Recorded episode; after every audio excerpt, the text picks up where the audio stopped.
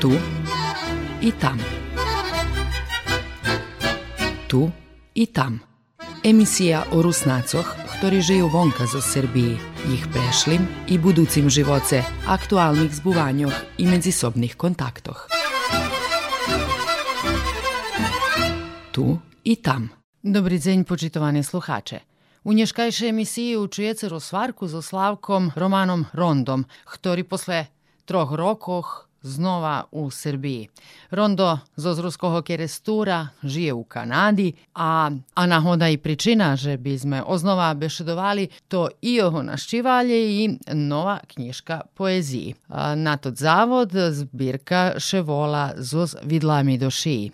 Prešli raz sme bešedovali tištak i o knjižki Odnjati od psoh pred troma rukami. Mi bešedovali u maju 1900 2019 roku prebačujem še, keď, keď vyšla druhá, moja druhá knižka Odňatý od psoch. U medzičaše sme mali, mali sme podpísaný kontrakt s ruským slovom, že, že vyjde i knižka s vidlami do šiji. I ona i vyšla koncom 2020 roku, ale pre už poznatú pandemiju i, i toto všetko nemožnosť putovania i všetko nenapravili sme, nenapravili sme jakže vari ani nejakú veľkú promociu, u stvari nenapravili sme skoro nejakú, nem, mal som dajak, mal som video, video koritani za, za, a zňatý video bol za Kostelníkovú ješeň. I tu i tam som pre Facebooku dakus, dakus znímal krátky videa za, za tých, ktorí ľubia čítať moju poéziu. I teraz, jakže volá, už prešlo tedy točno dva roky, ja, ja, še, ja še teraz prišiel som dakus do našich krajoch i svojim poznatim reševalite razdaku Zeljem Kiški pripowiadamy o tym, z tym, że się ukazała nachoda, że sme eh, e, toho tyžnja u prostoriji Gruskoslova potpisali novi kontrakt za, za novu knjižku. Ja teraz posle troh knjižku poezije prešao na, na pisanje prozi, robiše o, o knjiški za ktorú uzemac 9 pripovetki. Volaše Valalski Vudolent i to bude Valalska fantastika o vydomaných ľuďoch so poznatýma prezviskami. I trebalo by, že by napravila takú, jak volá, cirkus u tej našej monotonije u životoch. U međučaše še u tvojim privatnim živoce veljo toho slučelo. Ja še nadovezujem, dovezujem na pripovedku od prešli raz sluhače upoznati, že ti u Kanadi, robil si u internatu na univerzitetu Waterloo, hej. hej. hej. I ljubiš tú robotu? Ha, ľubím, že teraz pre, pre odredzené zdravstvené príčiny ja už, ja už skoro ako sme nejak 3 roky nerobím, ale ešte vše som tam zaňatý.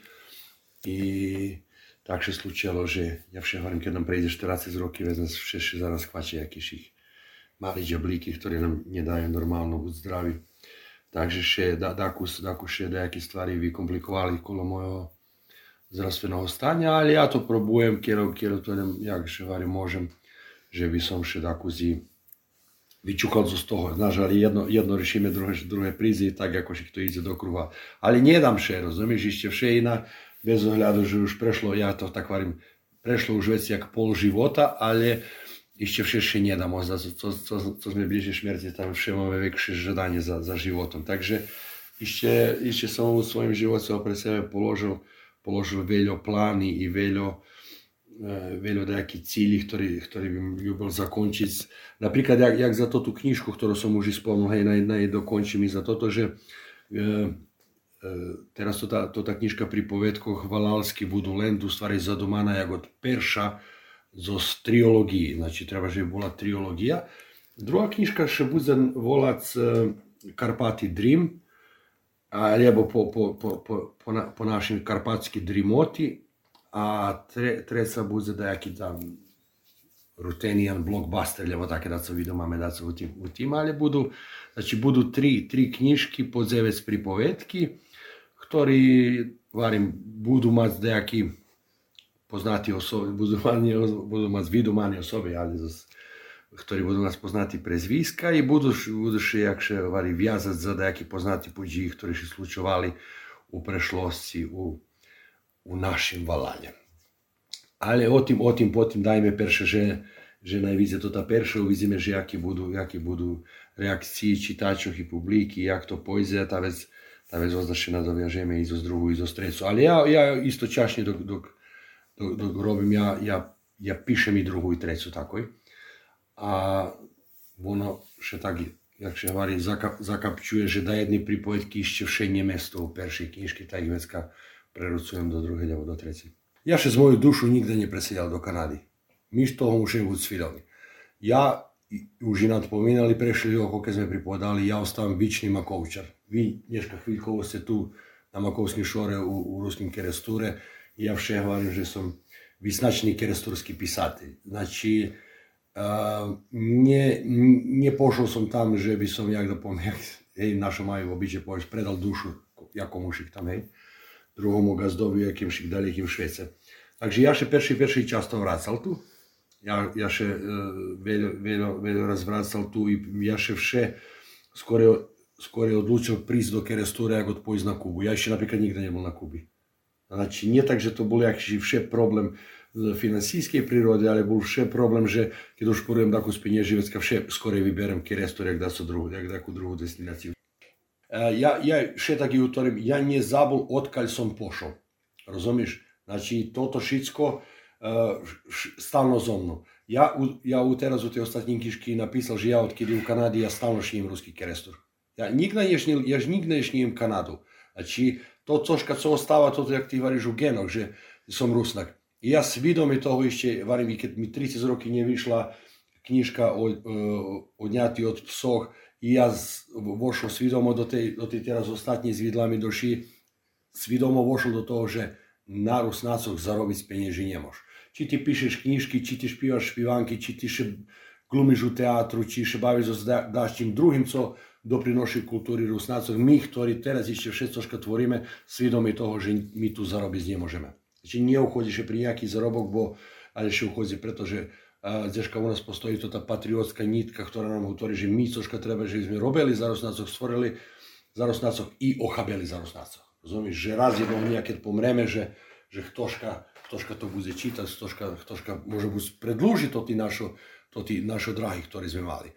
Teraz, znaš, všetky mi rozlične. Ja še, ja še u tim nikda ne dal virvec zo z toho, že že še, jak da si poviem, prilapim nejakej druhej kultúry. Ja prilapil druhú državu, keď som še preselil do Kanady. Ja prilapil ich jazyk, prilapil som ich zákony. Ale som nedal, že by oni zo mne vyrvali toto rusnáctvo, ktoré u mne, rozumieš?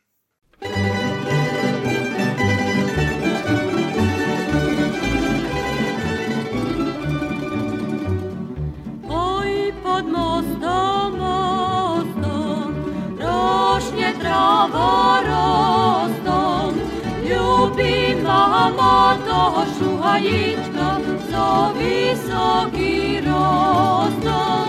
Ljubim mama toho šuhajička, wysoki rostom. Čiholjem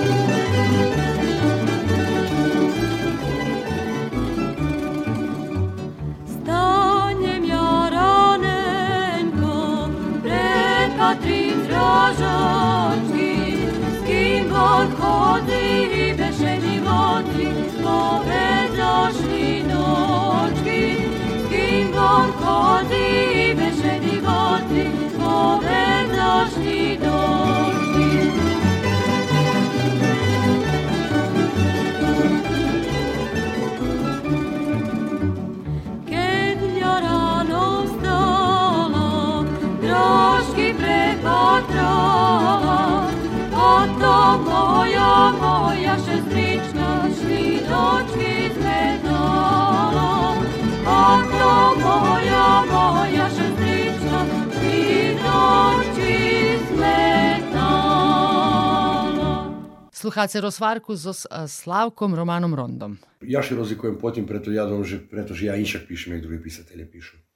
Znači to teraz dom, že jak budu prihoditi všetky nové knižky, to bude vše obačljivše i vidljivše, že, že jak ja píšem. Ja perše písal tak dosť provokatívno, že by som um, jak 89. roku, keď vyšla knižka Kataklizma i vecka, i keď som hral u grupi Armiton, išli ďusi všetky grupy, ktorí prichodzeli, mi všetzačka patrili, že sme na sebe obracali odredzenú povahu.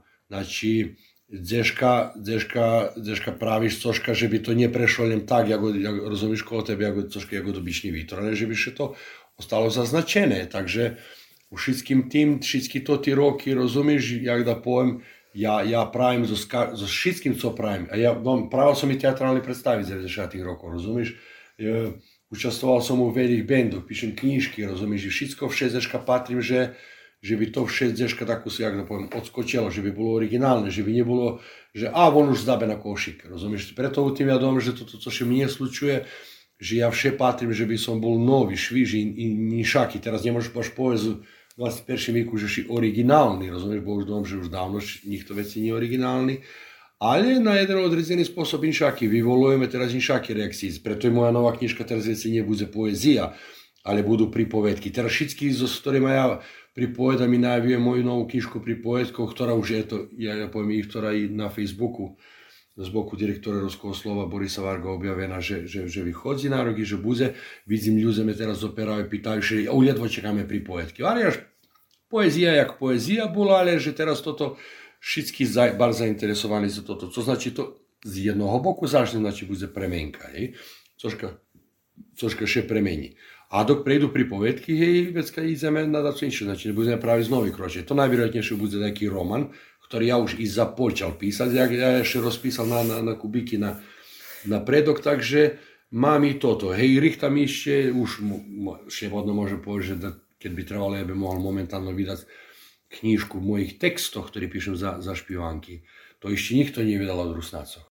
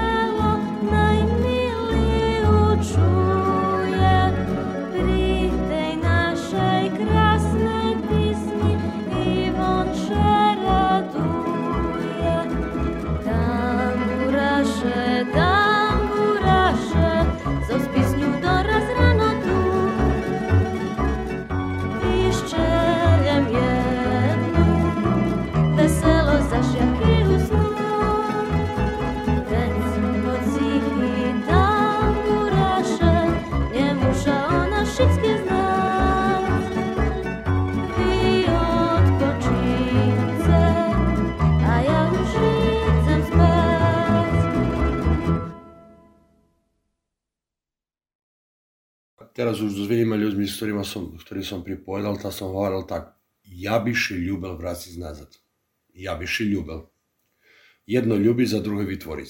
Takže tu iście wsze postoji jaká jakaś odrezena hranica kolo toho, ono, veľa veci, jak teraz keď tých njog všetko klazim na, na, na kilaši, že na jednom boku Kanada i 14 roky života tam i šta se z roki života predtým, u kere i vracanje, vracanje nazad, ja, jak, že na ktori bok to ti kilaši pojdu, ja otprilike znam že na htori oni bok, už, ja už znam že kazi oni, ma, treba že pojdu i pošli. Ljem treba že biš išće da jaki stvari ponamestali, že či to buze, či to buze baš tak vivodljive švitko, jak ja nadumal, či, či, še, či še da co zahamuje, ta še to može buzišće od sanje.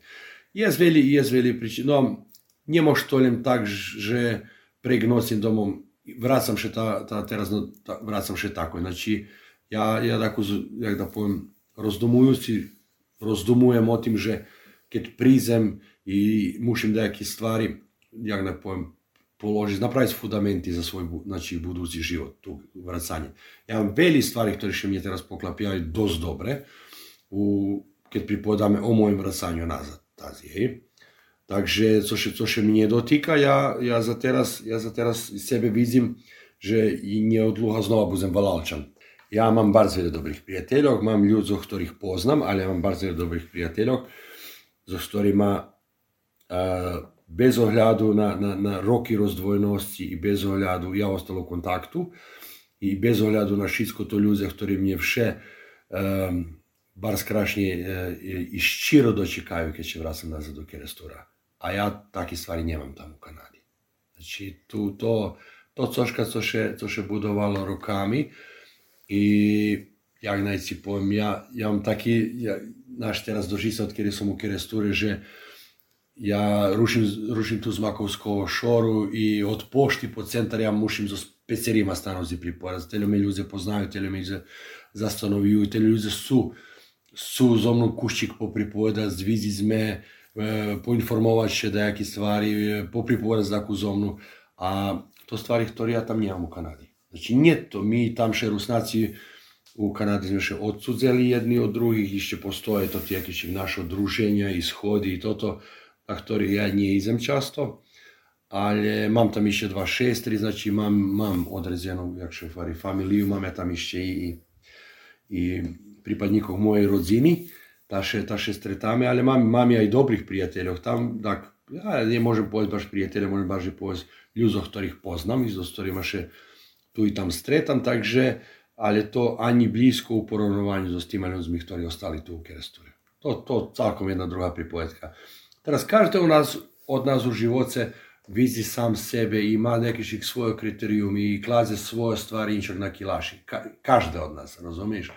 I vecka, naš veli povez, a u rondo šaljenih se še vrati nazad kjer su. Dobre. Mi je milše bud, ostat bud šaljeni vrati nazad do kjer stura, jak bud se to tam, co sam, to niđu u Kanadi.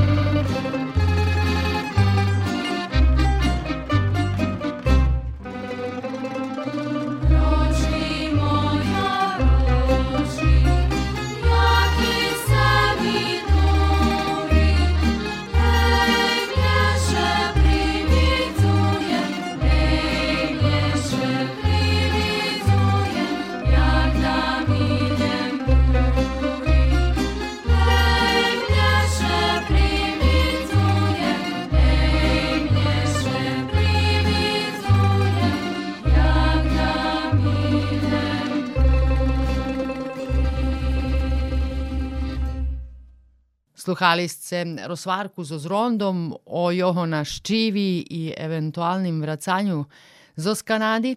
A teraz posluchajte prilog, kotri dostavame učeranki zo s internet radijom Rusin FM.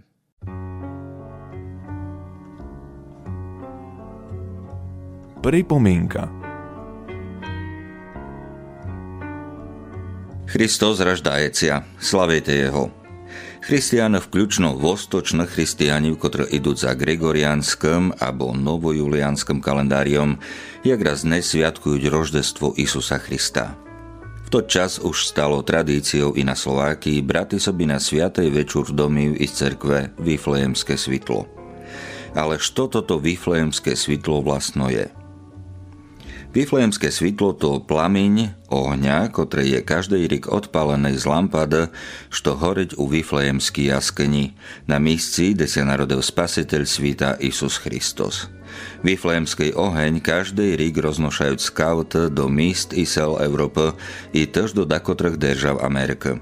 História Viflejemského svitla je osnovaná na legendi, ktorá o ním hovoriť toto – na kincu 11. i počiatkom 12. stoliťa turecký rod Seljukiv okupoval so svojím vojskom veľkú časť Malej Ázii i Palesténu a christianom sperav našivľaty sviaté misca.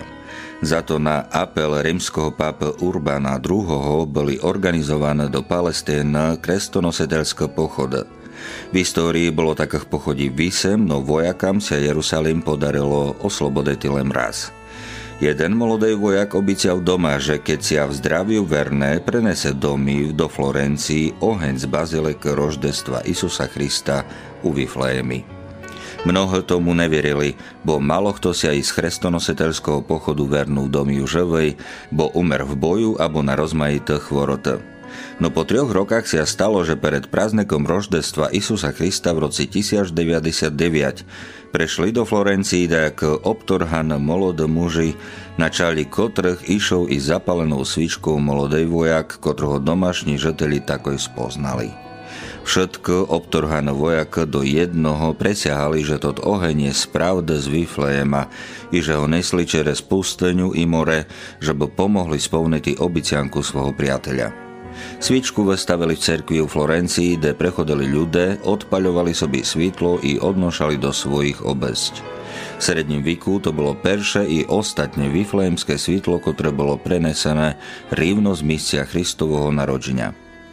Teperišňa história Viflejemského svitla sa počala pesať v roci 1986. Bol to projekt državnej televízii Austrii ORF, kde aktívno pomáhali pre publiční zbierci pro handicapované deti. Organizátori dostali dumku poslaty do Viflejema chvoru detinku, ktorá by prenesla lítakom zapálený oheň z Viflejema do Lincu. Tu ho soby prebrali skauty, ktorí oheň roznesli do všetkých častej Austrii. Koli v 1989 roci v srední Európy vpali totalitné režim, začali od roku 1990 scout i v todešní Čekoslovákii alebo Slovákii roznošatý vyflémske svitlo. Svitlo z Viflejema odpaľujú dity z Austrii. Po peršej raz v novodobí histórii Viflejemského svitla odpalil toto svitlo handicapovaný chlopec, ktorý bol odkazaný na električnej vozek. Orik to čest stala jeho priateľovi, ktorý sa žertveno staral o inšoho chvoroho priateľa. Po ďalšie roky to bol i chlopec, ktorý pochodil z Kambodži a jeho druhou ocioznenou stala Austria. V roci 2000 neodpalili tot oheň u Viflejemy dity z Austrii, no na aeroporti v Tel Avivi by ho prevziali od ditej z Izraela. Orik pízniše, izraelské dity prenesli Viflejemské svítlo už rívno do Austrii. Od 2003 roku sa na novo obnovľuje tradícia odpaľovania Viflejemského svitla rivno z chrámu roždestva Isusa Krista u Viflejemi. Ditej, ktoré mali česť odpaľovať Viflejemské svitlo, nazývajú dity svitla pokoja. Že čo nám všetkom, že by i bez toho, že by sme my prenošali Viflejemské svitlo rivno z Viflejema, boli sme všetky deťami svitla pokoja. Pak nebude vojen ani stráždaň. Šumnej týždeň vám žečiť Petro Medviť.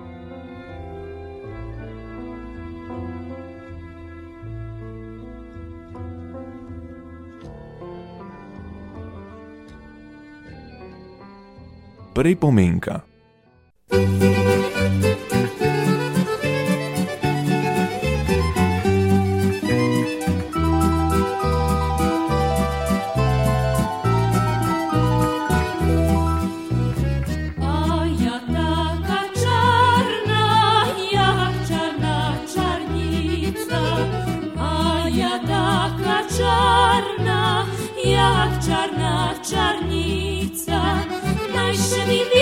Wystupiszej, oj, najsze mi wystupiszej, oj, najsze mi wystupi, zdrahi paradnica. Najsze mi wystupiszej, oj, najsze mi wystupiszej, oj, najsze mi wystupi, zdrahi paradnica.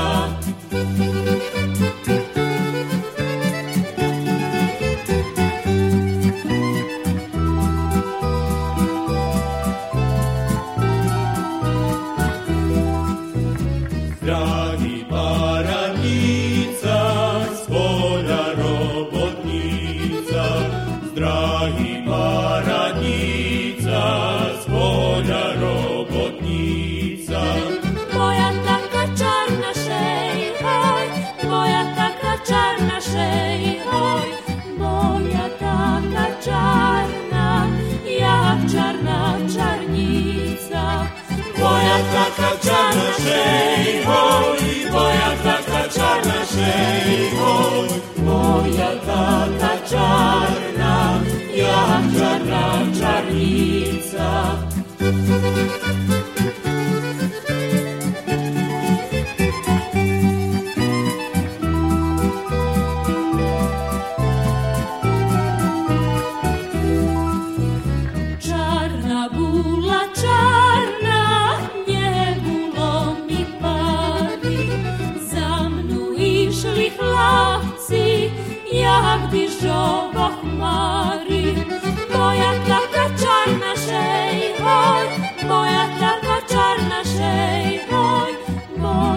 Taka czarna, jak czarna czarnica. Moja taka czarna szej, oj, moja taka czarna szej, oj, moja taka czarna, jak czarna czarnica.